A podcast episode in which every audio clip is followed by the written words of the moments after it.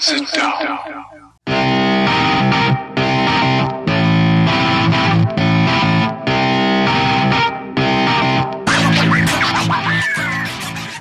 Witam wszystkich i każdego z osobna. Ja jestem Robert Kochan, a to jest Kochana NBA, najbardziej nieobiektywny podcast o najlepszej koszykarskiej lidze świata.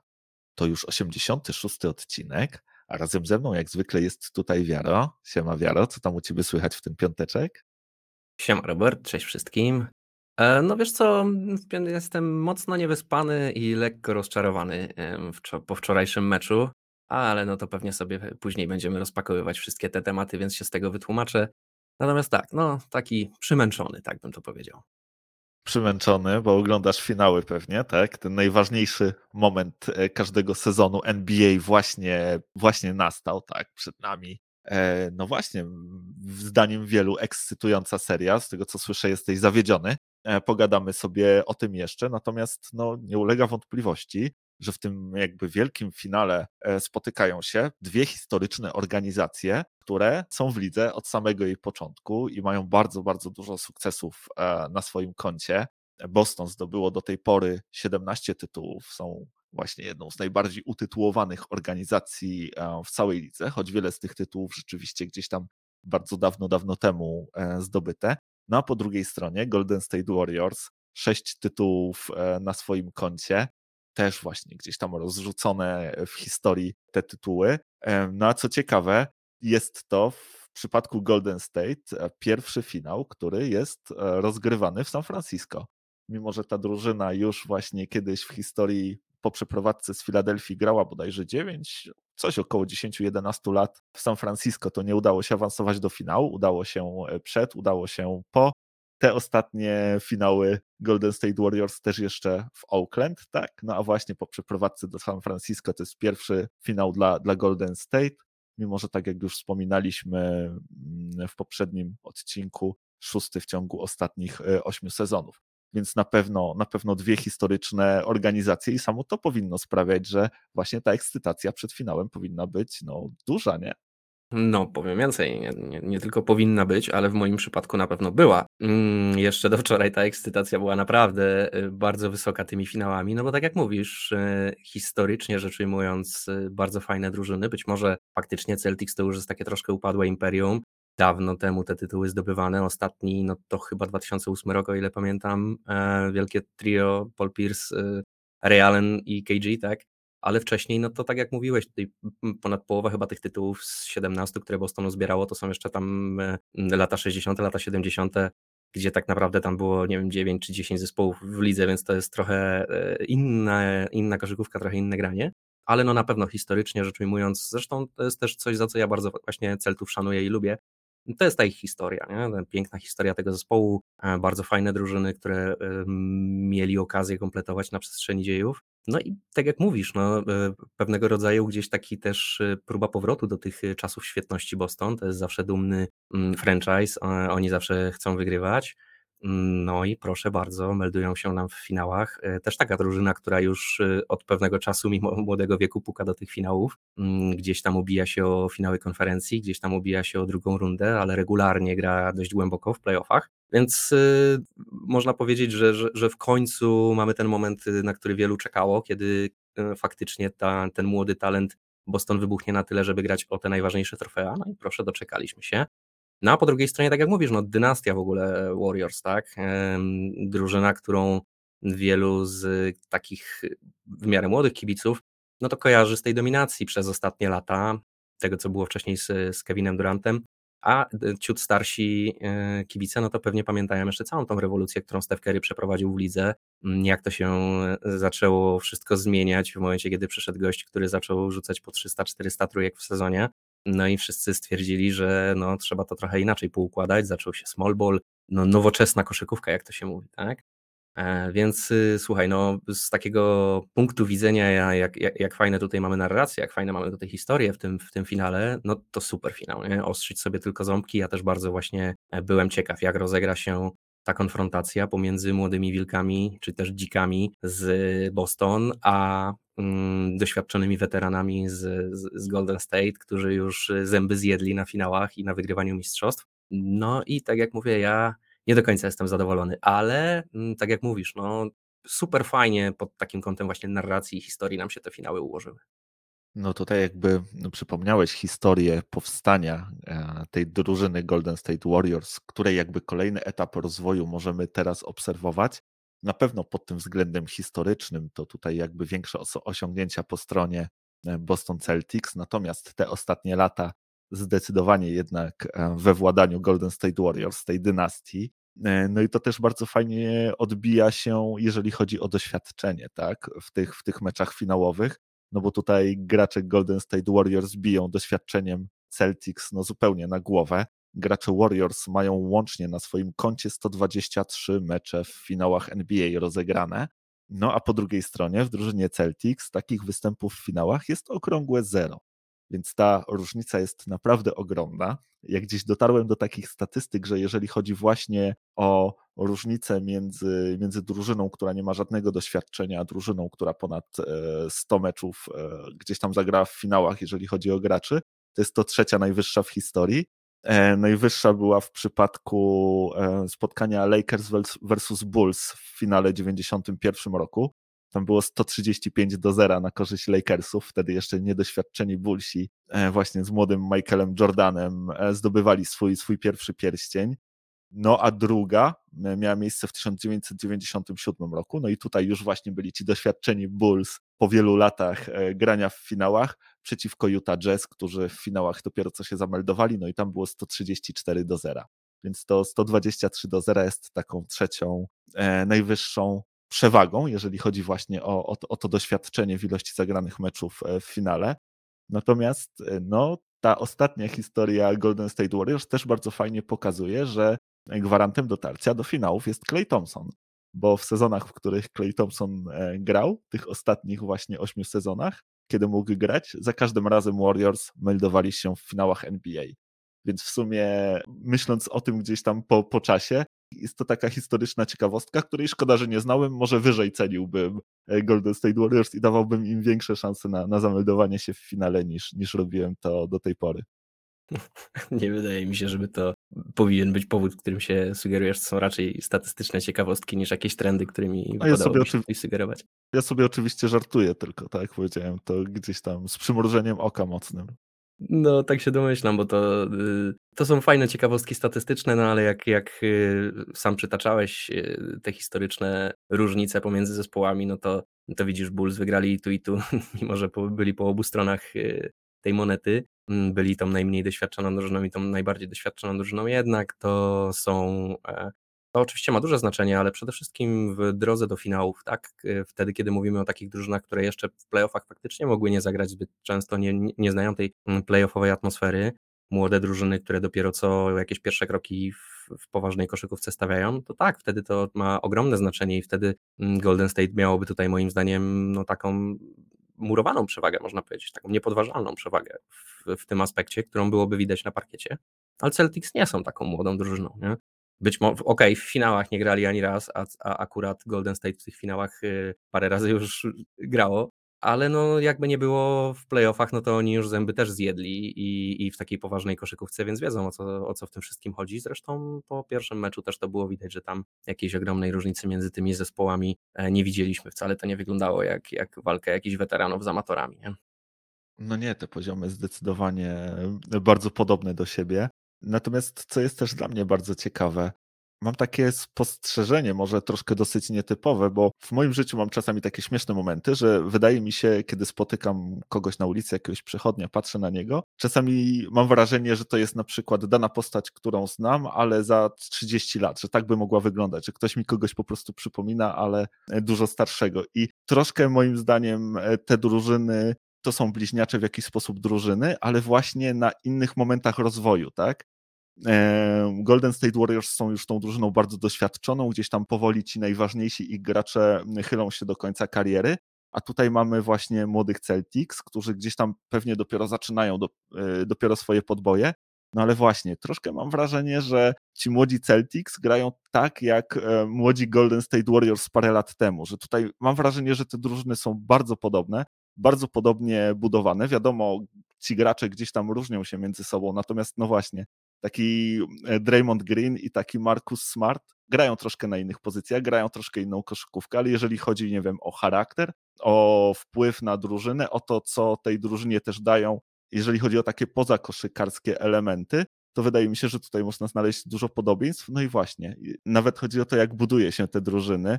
E, jeżeli wziąłbyś pod uwagę 14 najlepszych strzelców w obu zespołach, to 11 z nich e, to są zawodnicy wydraftowani właśnie przez swoje drużyny, tak? I tutaj obie, obie te drużyny gdzieś tam w jakiś sposób budują, budowały się przez draft. I to też bardzo fajnie właśnie można zobaczyć. Tak samo tutaj postać byłego, byłego gracza jako, jako trenera, który też w jakiś sposób odmienia tę drużynę, która do tej pory nie dawała sobie rady. Nie wiem jak ty, ale ja widzę tutaj jakby sporo podobieństw i mam wrażenie, że, że Celtics teraz są takimi e, młodymi um, Warriors sprzed lat. Nie, ja nie mam takiego wrażenia w ogóle.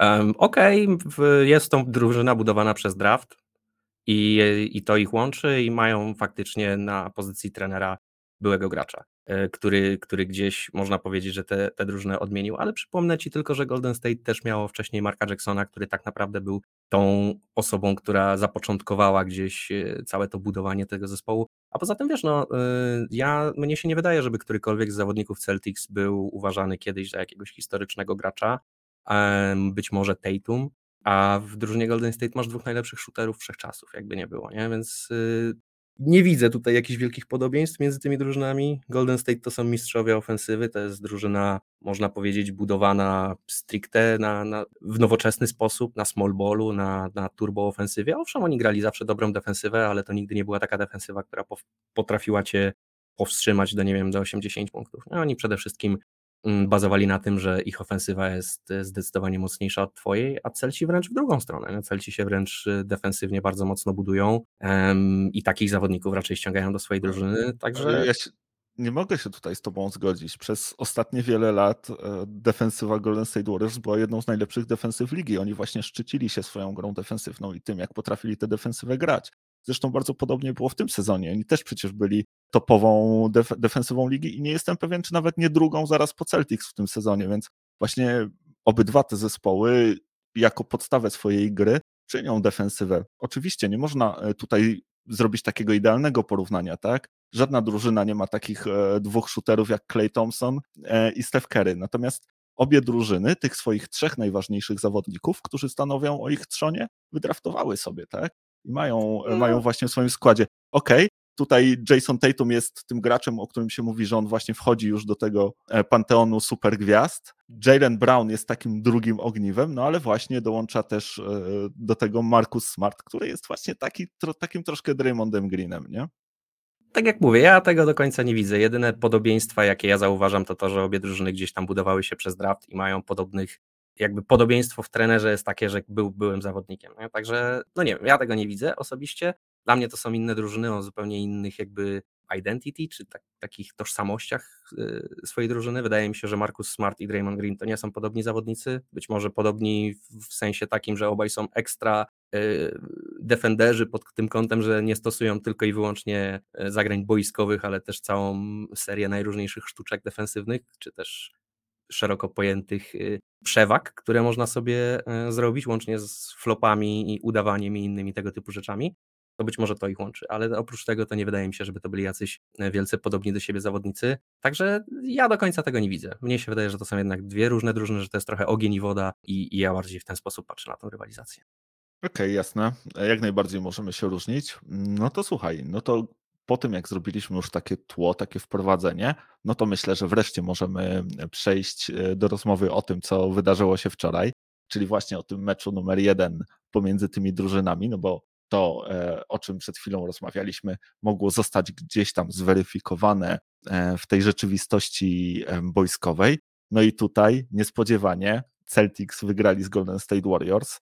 Mówię niespodziewanie, bo, bo to pierwsza porażka Golden State Warriors e, na własnym parkiecie w tych playoffach. No a mimo wszystko właśnie Celtom udało się wygrać. Natomiast podejrzewam i mam wrażenie, że to jedna z niewielu rzeczy, co do których się zgadzamy, że od teraz w dużej mierze będziemy się różnić.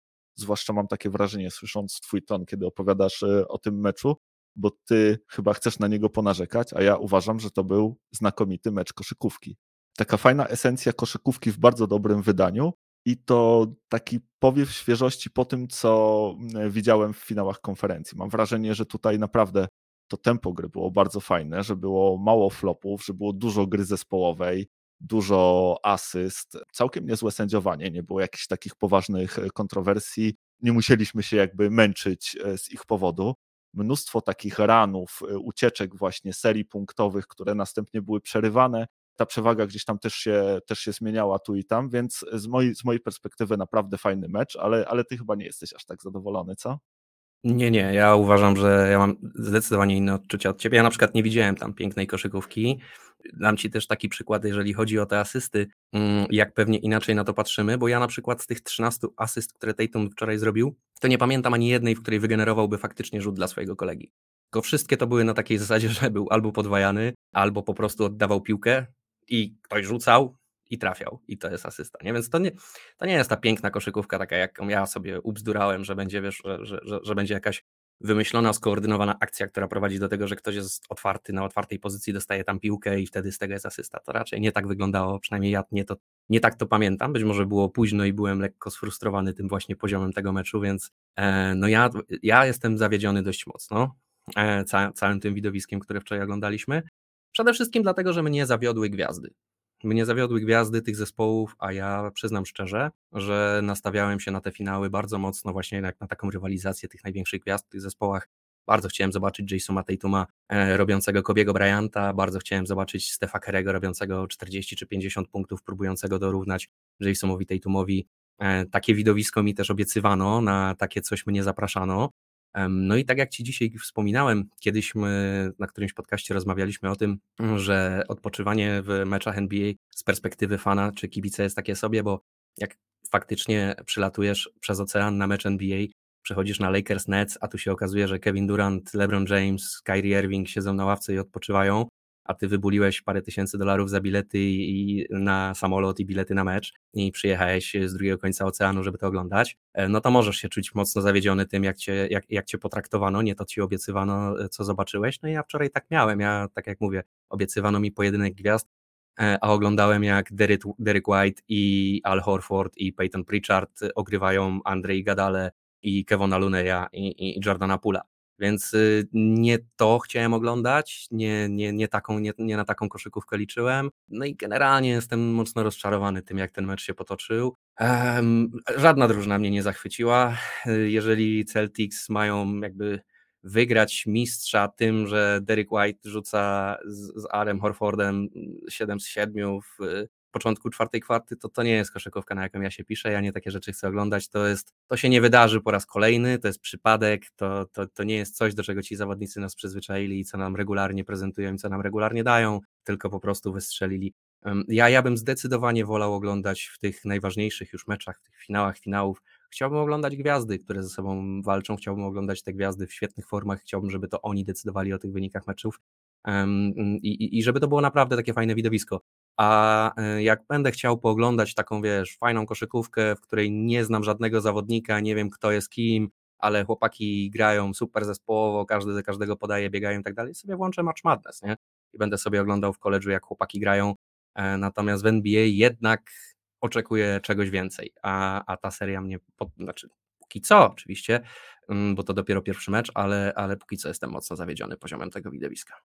No to ja cię zupełnie stary, zupełnie cię nie rozumiem i to może tylko w jednym aspekcie, że rzeczywiście tutaj, jeżeli chodzi przynajmniej o Celtics, e, to Jason Tatum zagrał słaby mecz, tak. Natomiast nie wiem, kto ci tutaj obiecywał, że to będzie pojedynek gwiazd. Nie wiem, od kogo takie zapewnienia słyszałeś. Mnie się od początku wydaje, że to są drużyny, które grają właśnie mocno drużynowo i mocno stawiają na tę drużynową koszykówkę. Ja zdecydowanie e, patrzę na to jako pojedynek po prostu dwóch naprawdę fajnych, dobrych drużyn. Więc e, Jason Tatum e, jest podwajany od początku tych playoffów, tak? Wszyscy wiedzą, że to jest najważniejsza i e, jedyna tak eksplozywna strzelba Boston Celtics, dlatego po prostu jest podwajany od początku tych playoffów i Jason Tatum gra tak samo od początku tych playoffów. To znaczy w momencie, kiedy jest podwajany, podejmuje dobrą koszykarską decyzję, czyli podaje piłkę do niekrytego kolegi. I w ten sposób właśnie zrobił wczoraj 13 asyst, mimo tego, że zagrał fatalny mecz pod względem skuteczności e, rzutowych, tak, bo to było 18% z pola i, i 20% za 3. Natomiast te jego 13 asyst to jest rekord, jeżeli chodzi o debiut w finałach e, NBA, tak? Żaden no, zawodnik ale z tych debiutujący. Jego 13 asyst z 6 się nie powinno wydarzyć.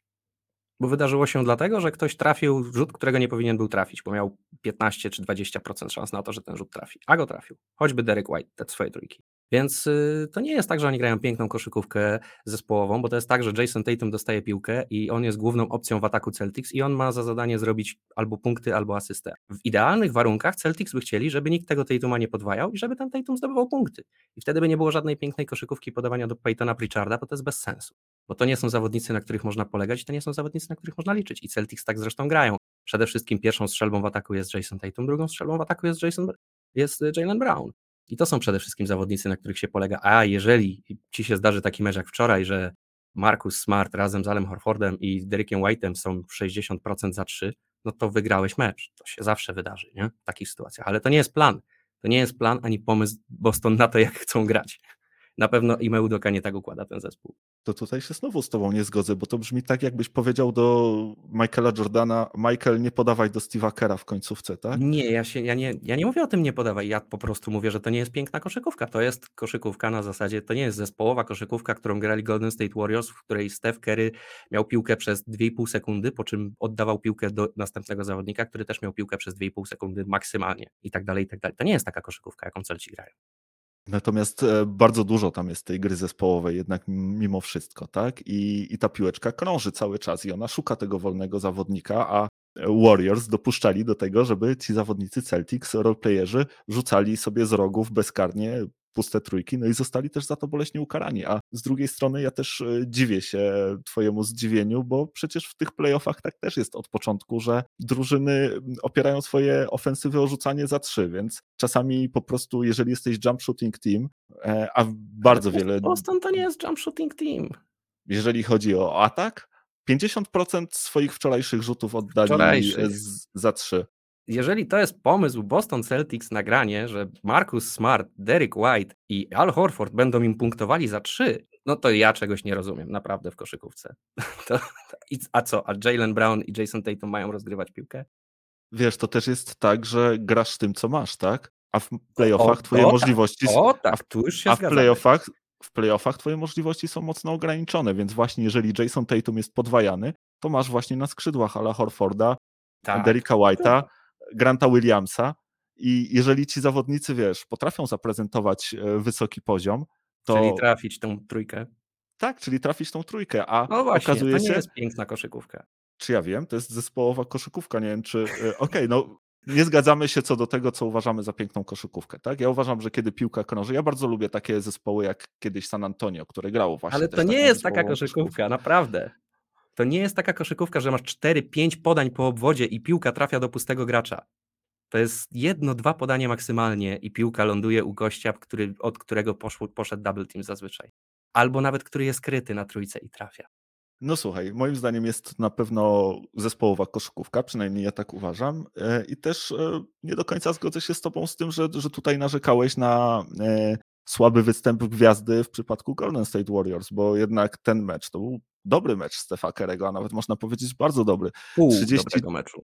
Masz rację, to jest tak, że ta pierwsza połowa była dużo, dużo lepsza, bo to jak Steph Curry zaczął ten mecz, to myślę, że jakbyś przyszedł tam jako fan Golden State Warriors i usiadł na tych trybunach, to myślę, że byłbyś po prostu zachwycony, tak? Bo Steph Curry był po prostu tak hot, że, że aż się po prostu świecił na czerwono i płonął żywym ogniem. Te sześć trójek, które trafił w pierwszej kwarcie, to jest rekord e, finałów, jeżeli chodzi właśnie o, o, o, jedną kwartę ilość trójek, a 21 punktów, które w tej pierwszej kwarcie zdobył, to jest najlepszy wyczyn od e, czasu Michaela Jordana w 93 roku, jeżeli chodzi o finały więc naprawdę super elektryzujący początek. Ja oglądając to miałem wrażenie, że Kerry po prostu no, nie potrafi spudłować, że, że wszystko mu tam e, siada i można się było tak naprawdę bać, co się będzie działo zresztą tego wieczoru, jeżeli właśnie Steph 21 mm, punktów w kwarcie rzuca. Natomiast mam wrażenie, że potem Steve Kerr popełnił e, błąd, to być może wynika z tego, że mają jakieś przyzwyczajenia, jeżeli chodzi o tą, o tę rotację minut. Natomiast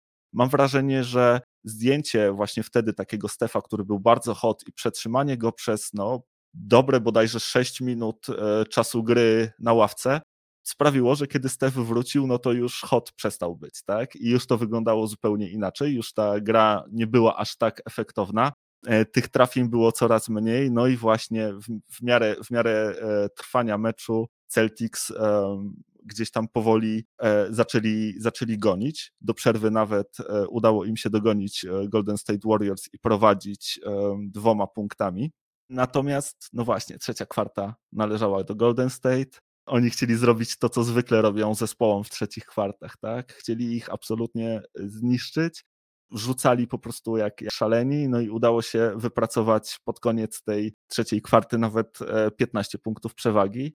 Tam bardzo w ogóle też niewiele brakło, żeby udało się być może nawet ten mecz zakończyć i złamać psychikę Celtics, bo przy tym 15-punktowym e, prowadzeniu Steph Curry e, miał piłkę na, na trójkę, która no jakby wpadła, to wydaje mi się, że mogłaby mocno podkopać psychikę Boston i, i mogłoby się okazać, że powrotu do tego meczu by już nie było no ale jednak właśnie nie wpadła, no i, i ten powrót był. I ta czwarta kwarta to była po prostu demolka ze strony Celtics z różnych Golden State Warriors, która też nie mogła właśnie niczego za bardzo trafić, nawet kiedy te akcje były dobrze skonstruowane, kiedy, nie wiem, Steph Curry się sam pod koszem znalazł, to potrafił spudłować layup, no i wszystko gdzieś tam e, przestało, przestało siadać i ostatecznie Boston udało się dowieść to zwycięstwo do końca. No słuchaj, jeżeli chodzi o, wiesz, obiektywne tutaj powody tego, dlaczego mm, Boston ten mecz wygrało, no to no, ewidentnie tutaj jest czwarta kwarta, tak? No bo tak jak mówisz, do połowy ten mecz był w miarę wyrównany. W trzeciej kwarcie faktycznie e, Warriors gdzieś tam zrobili y, swój typowy odjazd, mm, ale suma summarum też się skończyło tym, że, że nie miałeś takiego wrażenia, że Warriors gdzieś tam strasznie odjeżdżają. Ten mecz cały czas gdzieś tam wydawał się być w zasięgu Celtów.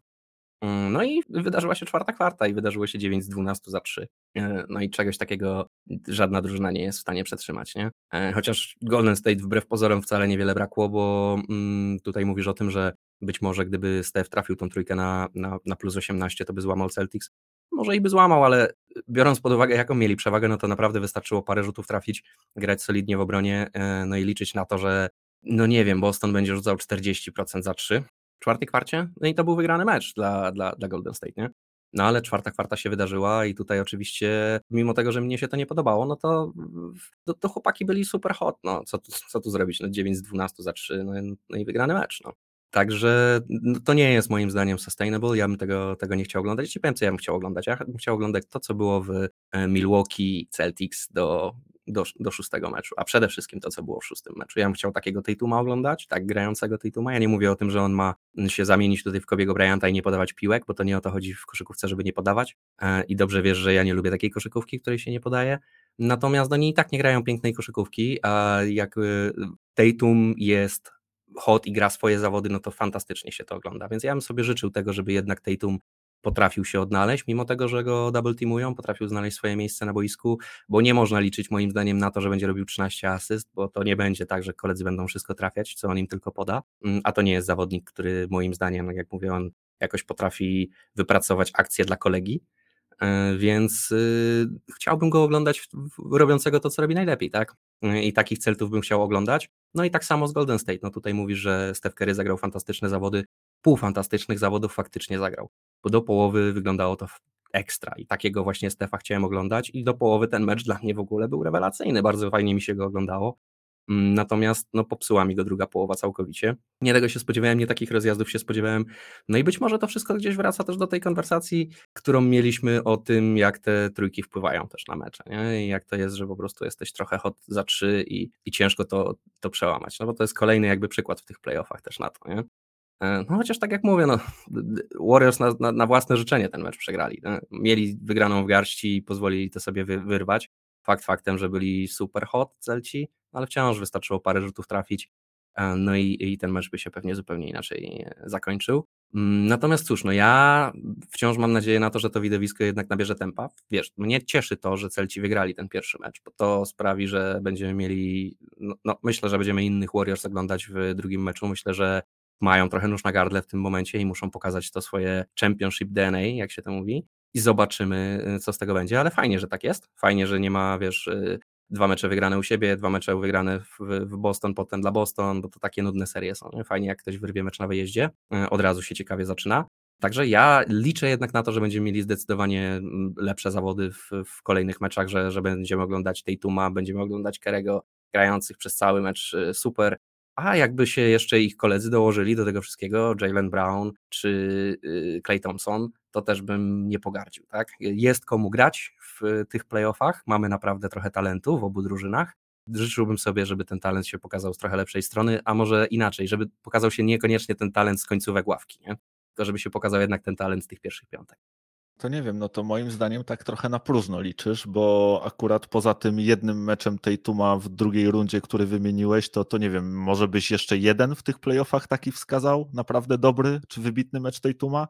Dużo więcej jest jednak właśnie tych, kiedy Jason Tatum musi się zmagać z tym double teamem, kiedy właśnie gra mądrą, dobrą koszykówkę, i to jest moim zdaniem taki dominujący obraz e, z tego. Te, te dwa mecze to jest e, taka aberracja troszkę w tym, jeżeli o te, o te playoffy chodzi. Wiadomo, że Tatum umie tak wystrzelić, tak? On to pokazywał wielokrotnie, nawet w tamtym sezonie przecież w serii przeciwko Nets miał ten e, mecz 50-punktowy. Zdecydowanie ma, ma taki potencjał, natomiast no właśnie, kiedy jest dobrze i mądrze kryty, na pewno nie jest w stanie tego robić co noc, a, a mi się bardzo podoba to, że mimo, e, że rozgrywa słabszy mecz pod względem właśnie skuteczności, e, pod względem tego, co może dać drużynie właśnie jako ten scorer, to mimo to potrafi mieć bardzo dobry wpływ na mecz, e, potrafi właśnie e, rozgrywać tę piłkę również. Zresztą w tym sezonie moim zdaniem pokazał, że bardzo poprawił się w tym elemencie. Gdzieś tam e, wiele osób wskazywało podawanie jako taki kolejny ważny krok w rozwoju kariery Jasona Tatuma bo to, że on ma piłkę w swoich rękach, to, to właśnie bardzo ważne jest to, żeby umiał się też nią podzielić w momencie, kiedy nie może oddać dobrego rzutu. No i właśnie Tatum pokazuje, że, że świetnie potrafi to robić, coraz lepiej rozwinął się bardzo w tym elemencie i to widać i to również przekłada się na, na liczbę robionych przez niego asyst. E, rzeczywiście też jest tak, że, że to właśnie ta, ta czwarta kwarta zadecydowała. No tam e, Warriors w pewnym momencie zostali po prostu zdemolowani. Tam e, był run bodajże 17-0 dla, dla Celtics. Celtics w ogóle wygrali tą czwartą kwartę 40 do 16, więc, więc tutaj mocno rozbili E, Golden State Warriors.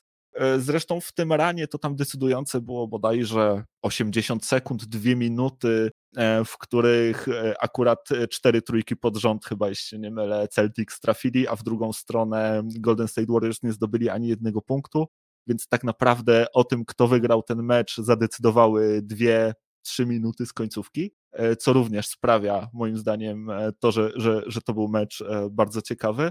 Warriors znowu udało się zdominować mecz, jeżeli chodzi o zbiórki ofensywne. E, świetnie są e, w tym względzie w tych playoffach. Tutaj też mieli prawie dwa razy więcej tych ofensywnych zbiórek niż, niż Boston Celtics, którzy wydawało się są wyższą drużyną i powinni jednak e, lepiej sobie radzić z tym zbieraniem. Jeżeli chodzi o ogólną liczbę zbiórek, tutaj jakby liczba była podobna. Natomiast właśnie jeżeli o te zbiórki ofensywne chodzi i te punkty drugiej szansy, no to tutaj bardzo widoczna była ta, ta przewaga e, Golden State Warriors. Natomiast, no właśnie, no, bohaterami, roleplayerzy Boston Celtics, tak? E, Al Horford, który debiutuje w finałach NBA i rozgrywa fantastyczny, ale to absolutnie fantastyczny mecz, taki vintage Al Horford, jakby w ogóle nie był stary i jakby w ogóle nie był dziadem, tak? Jakby e, był w prime swoich umiejętności wczoraj zagrał. No a do tego właśnie Derek White, e, który mm, od jakiegoś czasu ma niesamowicie e, dobrą serię, bo nie wiem czy wiesz, ale Derekowi White'owi urodziło się dziecko ostatnio. 19 maja urodził mu się synek, który ma na imię Hendrix, po Jimim Hendrixie, słynnym gitarzyście, e, dostał imię syn Derricka White'a. No i od tego czasu, jak to dziecko się urodziło Derrickowi, to dostał chłop takiego buffa, po prostu dostał takiego zastrzyku energii i umiejętności, jakby wcześniej gromadziła się w nim jakaś energia, której nie mógłby wyzwolić, jakby coś mu przeszkadzało ją uwolnić i nagle, słuchaj, okazuje się, że eksplozja talentu po tym 19 e, maja przed tym dniem Derek White e, zagrał tylko 3 mecze z 12, w których zdobył więcej niż 10 punktów. W żadnym z tych meczów nie zdobył więcej niż 15 punktów.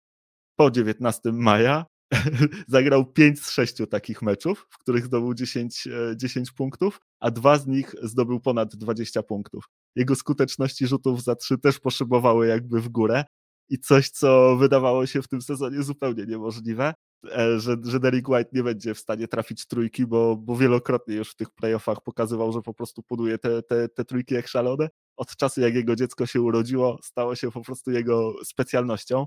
I ten buff, y, oczywiście znowu mówiąc pół, żart, pół żartem, pół serio, bardzo poważna rzecz, e, bo w przypadku na przykład Freda Manwlita, który bardzo podobną sytuację miał w 2019 roku, wyglądało to wręcz identycznie, tak? Fred Van Vliet wydawało się, że nie potrafi spudłować e, rzutu, więc e, słuchaj, jeżeli chcesz, żeby twoja drużyna tutaj miała wsparcie roleplayerów e, w finałach, to, to zachęcaj zawodników, żeby tam odpowiednio 9 e, miesięcy wcześniej zorganizowali sobie randkę z partnerkami, bo okazuje się, że to jest no wręcz sprawdzony i, i, i działający sposób na sukces. No słuchaj, nie, nie mów tak hop hop, bo y, może się skręcić, wiesz, nie, nie mamy pełnych statystyk. E, trzeba by zobaczyć, czy nie wiem, Jamesowi Hardenowi też nie urodziło się dziecko jakoś ostatnio na przykład, bo mogłoby to mocno zaburzyć nasze e, patrzenie na całą sytuację. E, no, ale podpierając się tymi dwoma przykładami, można taką śmiałą tezę faktycznie wysnuć i, i, i kolegów z drużyny zachęcać y, przed playoffami to by trzeba było jakoś początkiem sezonu zacząć, albo nawet y, na off-seasonie chyba. E, jakoś tak to wypada, także może po prostu e, trzeba komuś y, do, dobrze doradzić plany wakacyjne albo coś w ten deseń. Jeśli się nie mylę, to, to może być jakoś, jakoś na jesień, chyba wrzesień albo październik, żeby tutaj dobrze wcelować, e, że, żeby się to udało, więc no, jak najbardziej. Panowie do roboty z NBA jeżeli chcecie w finałach robić świetne numery i rzucać 5 z 8, tak jak Derek White wczoraj, no to właśnie trzeba się wziąć e, solidnie do roboty. Ale tak właśnie już e, kończąc gdzieś tam te żarty, to, to naprawdę bardzo podobała mi się gra Boston Celtics e, w tym meczu i właśnie to, jak, jak cały ten zespół się pokazał, jak każdy z tych graczy gdzieś tam wywiązywał się ze swojej roli, tak? Markus Smart, który od początku właśnie przeszkadzał gdzieś tam, on akurat miał lepszy ten początek meczu pod względem defensywnym, do tego no, Al Horford, wspomniany już przeze mnie, 26 punktów, 6 zbiórek, 3 asysty, 9 z 12 z pola, 6 z 8 za 3, 75% właśnie zarówno z pola, jak i za 3. Niesamowity po prostu mecz Ala Horforda. Fakt faktem był często zostawiany przez e, drużynę Golden State Warriors. Miał możliwość rzucenia kilku zupełnie niekrytych e, trójek z rogu, natomiast noty skuteczności w jego wykonaniu pod sufit. Swoją drogą Al Horford, jak pokazują zaawansowane statystyki, jest jednym z najlepszych w ogóle graczy w tych playoffach, tak? I to nie tylko jakby w ofensywie, ale też w defensywie. Okazuje się, że podobno kryci przez niego zawodnicy w tych playoffach rzucają średnio około 10% gorzej niż ich normalna skuteczność. I Ali jest pod tym względem e, absolutnym rekordzistą w całej lidze. No i właśnie w wielu takich zaawansowanych statystykach ujawnia się to, jak, jak duży wpływ e, Al Horford e, ma na drużynę Celtics i kiedy ma dobry dzień, jak e, wiele jest jej w stanie dać. Ale też bardzo fajny mecz w przypadku Roba Williamsa. On co prawda nie błyszczał jakoś szczególnie w ofensywie, natomiast w defensywie bardzo dużo dawał i, i gdzieś tam kilka razy się zdarzyło, że wzbudzał strach u zawodników Golden State Warriors, którzy po wędrówce właśnie pod obręcz, spotykając gdzieś tam na swojej drodze Williamsa, oddawali piłkę na obwód, a jeżeli nie, to Robert Williams y, nieźle ich sprzątał, bo, bo cztery bloki w meczu e, finałowym to naprawdę fajny wynik. Bardzo dobry mecz również e, Jaylena Browna, 24 punkty, naprawdę niezłe skuteczności. On akurat e, pokazywał się w tych najważniejszych momentach, kiedy trzeba było właśnie przerwać run Golden State Warriors. Łapał też takie momenty, kiedy, kiedy był hat, więc ja tutaj na pewno każdego z Bostonu niemalże, w który w tym meczu zagrał, e, chciałbym wyróżnić w jakiś sposób, bo to naprawdę była taka fajna e, drużynowa wygrana. Nawet Peyton Pritchard okazuje się, że może być w tej serii grywalny, coś co w poprzednich wydawało się niemożliwe, bo, bo kiedy Boston grało Peytonem Pritchardem było za to boleśnie karane, tak teraz okazuje się przynajmniej na, na przykładzie tego jednego meczu można tak robić. No zobaczymy, jak to będzie wyglądać dalej. Tak? Teraz przed e, obiema drużynami na pewno e, czas na wyciągnięcie wniosków, na dostosowanie się. Bardzo dobrze wiemy, zresztą mówiliśmy już o tym na początku, że Golden State Warriors są drużyną bardzo doświadczoną, że oni już nieraz byli w podobnych sytuacjach, że potrafią sobie na pewno z nimi poradzić. To twoje przekonanie, że to się nie powtórzy, ta, ta skuteczność e, graczy Boston Celtics jest podzielane również przez graczy Warriors, a na pewno przez Draymonda Greena, który wypowiedział się właśnie na ten temat, jakby przywołując E, skuteczność e, tych roleplayerów Golden State Warriors i, i mówi, mówiąc, że to się właśnie nie powtórzy, że wszystko będzie dobrze jakby u nas, tak? I, i nie musicie się martwić. E, no właśnie, natomiast na pewno ten mecz numer dwa dla Golden State Warriors będzie niezwykle ważny, bo gdyby go jednak przegrali, to będą w niesamowicie trudnej sytuacji. Znaczy, powiem Ci tak, ja nie wiem, czy ja się zgodzę, że tutaj nie ma się o co martwić. Myślę, że jest się o co martwić, Zgodzę się z tym, że taki mecz jak ten wczoraj się nie powtórzy. To na pewno, jeżeli to jest plan Boston Celtics na wygranie tej serii, to, to przegrają tą serię. Natomiast ja, mnie się nie wydaje, mnie się wydaje, że to jest aberracja po prostu ten mecz. Al Horford zagrał 150 meczy w playoffach, zawsze grał dobrze. To nie jest jakakolwiek nowość, że Al Horford dobrze wypada w statystykach defensywnych, czy świetnie dużo wnosi do twojej drużyny e, w ten sposób. Natomiast 6 z 8 za 3 to jest nowość. I to się wydarzyło drugi raz w jego karierze, czy tam trzeci. E, więc y, to o to chodzi. Ja nie mam, wiesz, ja tutaj nie mówię o tym, że to są zawodnicy, którzy nie mają żadnej wartości, a zagrali jakoś wspaniale, ale zagrali zdecydowanie ponad to, co prezentują e, na co dzień. Derek White to też jest przecież solidny, y, fajny roleplayer, tak? Pożyteczny zawodnik. Ale to nie jest zawodnik, który będzie rzucał 5 z 8 za 3. To nie jest akurat jego specjalność. To w ogóle nie jest coś, co on dobrze robi. No ale jak widać ma boosta, nie? ma, ma buffa, jak powiedziałeś, e, więc jego jeszcze można zrozumieć. Nie?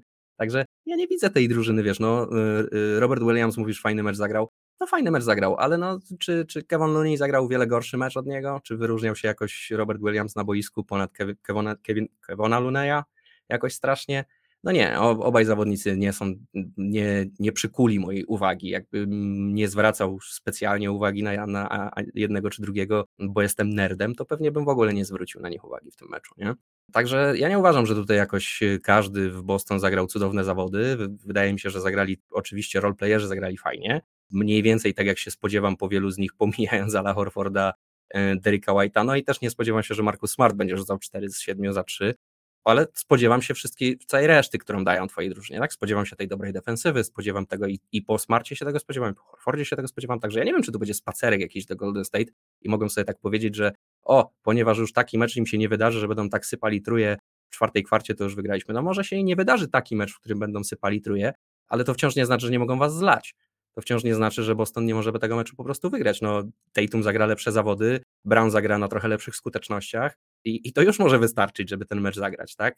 Reszta zagra gorzej, zagra tak bardziej na swoim poziomie, ale wciąż to jest dobra drużyna. Tutaj nie ma się, tu myślę, że takie, takie podejście, że o, mm, wszystko będzie dobrze i nie ma się czym przejmować, tylko dlatego, że akurat taki mecz się nie wydarzy, to jest moim zdaniem zbyt optymistyczne podejście. Celtics jednak są mocną drużyną i mimo tego, że są ogromnie frustrującą drużyną, żeby im kibicować i są drużyną, e, która wygrała ten mecz w sposób, który mi się nie podobał osobiście, nie tego się spodziewałem po nich, to wcale nie uważam, że to jest drużyna, której nie należy się bać i myślę, że teraz jeszcze po tym jak wygrali, urwali mecz w taki sposób, jeszcze przy takim słabym meczu tej Tuma udało im się wygrać mecz na wyjeździe z Golden State. Myślę, że jakbym był kibicem Celtics, to bym sobie siedział teraz wygodnie w fotelu e, i, i popijał sobie drineczkę i palił sobie cygarko i spokojnie czekał na Game 2, wiedząc nawet, że przegramy ten Game 2, to i tak jesteśmy na bardzo dobrej pozycji i drużyna fajnie gra e, i, i można naprawdę liczyć na to, że wygramy te finały.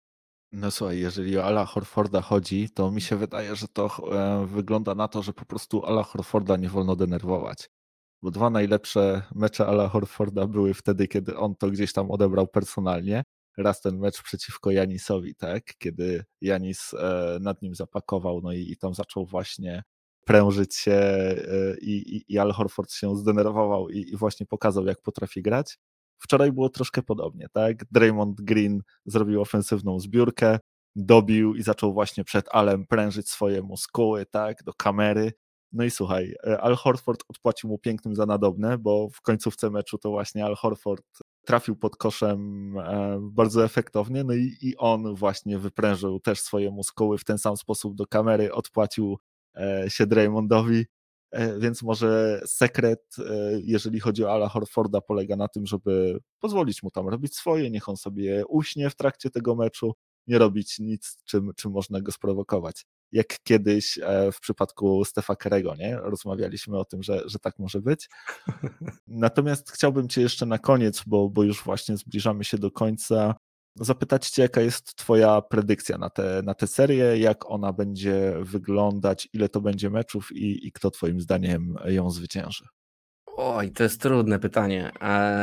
Długo się zastanawiałem nad tym, e, jak do tego wszystkiego podejść, i jestem trochę rozdarty pomiędzy tym wszystkim. To nie są moje ukochane drużyny, żadna z nich. E, Celtów lubię na pewno zdecydowanie bardziej za historię całego zespołu, ale z drugiej strony drużynę Golden State lubię za tą drużynę, którą mają. No, lubię Stefa, lubię Kleja. To są naprawdę fajne chłopaki. Draymond też nie jest y, mi obojętny, może nie jestem jego wielkim fanem, ale bardzo się cieszę, że jest ktoś taki jak Draymond Green e, w lidze. Jestem pewnego rodzaju fanem jego, na pewno jestem. Także mm, rozdarty tutaj jestem i o tyle, o ile chciałbym postawić na Celtów, to jednak y, źle bym się chyba z tym czuł do końca, więc y, trochę w, z przymusu, można powiedzieć, moich sympatii postawię na Golden State. Golden State w siedmiu, myślę, mm, bo myślę, że będziemy mieli zaciętą serię, ale absolutnie nie jestem pewien tego pika. Popatrz, no to akurat jak się nie zgadzaliśmy dzisiaj cały wieczór, tak na koniec e, widać bardzo podobne mamy rozterki, bo ja też jestem e, super rozdarty. Mm, nie chcę zmieniać moich predykcji po pierwszym meczu, więc wrócę do tych, które miałem właśnie, kiedy myślałem sobie o całej tej serii. I tutaj właśnie to rozdarcie jest bardzo silne, bo rozum mówi Golden State, a serce mówi Boston Celtics. Tutaj, podobnie jak ty, myślę, że to będzie 7 meczów. Natomiast, no właśnie, tutaj, kiedy szukam takich argumentów racjonalnych, wydaje mi się, że więcej, przynajmniej przed rozpoczęciem tej serii, byłem w stanie ich wskazać na korzyść Golden State Warriors.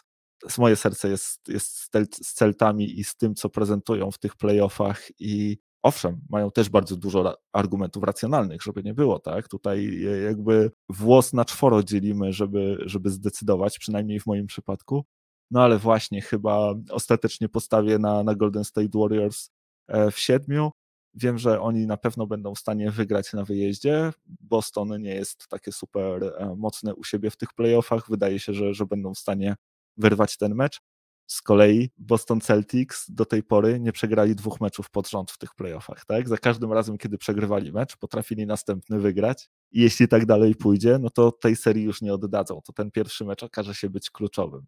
No ale, ale, ale właśnie rozum podpowiada mi, że, że może jednak Golden State e, w siedmiu meczach. Tak myślałem przed tą serią, póki co się będę tego trzymał. Choć ten, ten właśnie pierwszy mecz i jego obraz gdzieś tam e, sprawił, że, że nie jestem już tego tak, tak bardzo pewien. Natomiast wy możecie być pewni, że usłyszymy się za tydzień, ale o nieco zmienionym czasie, bo będziemy nagrywać dzień wcześniej z uwagi na nasze piątkowe zobowiązania, które, które właśnie za tydzień mamy. Więc e, w przyszłym tygodniu wyjątkowo e, nagrywamy w czwartek. E, myślę, że, że odcinek ukaże się w piątek i, i, mam nadzieję, że będzie się Wam podobał, że będziecie na niego czekać i mam nadzieję, że ten, który właśnie się kończy, też przypadł Wam do gustu. Pamiętajcie, że e, jeśli tak lub nie, możecie dać nam o tym e, znać w bardzo prosty sposób. Wystarczy, że napiszecie na kontakt mamkakohanenba.pl albo uderzycie do nas bezpośrednio na Facebooku. Czekamy na wiadomości od Was. E, dajcie znać, co myślicie o tym pierwszym meczu, czy, czy zgadzacie się bardziej z Wiarem, czy, czy bardziej ze mną, a jeżeli nie, to, to chętnie posłuchamy też Waszego zdania. No i co? No i mamy nadzieję, że, że słyszymy się za tydzień w takim samym składzie. No jak zwykle, nic dodać, nic ująć. Trzymajcie się cieplutko i do usłyszenia za tydzień. Cześć. Trzymajcie się, hej.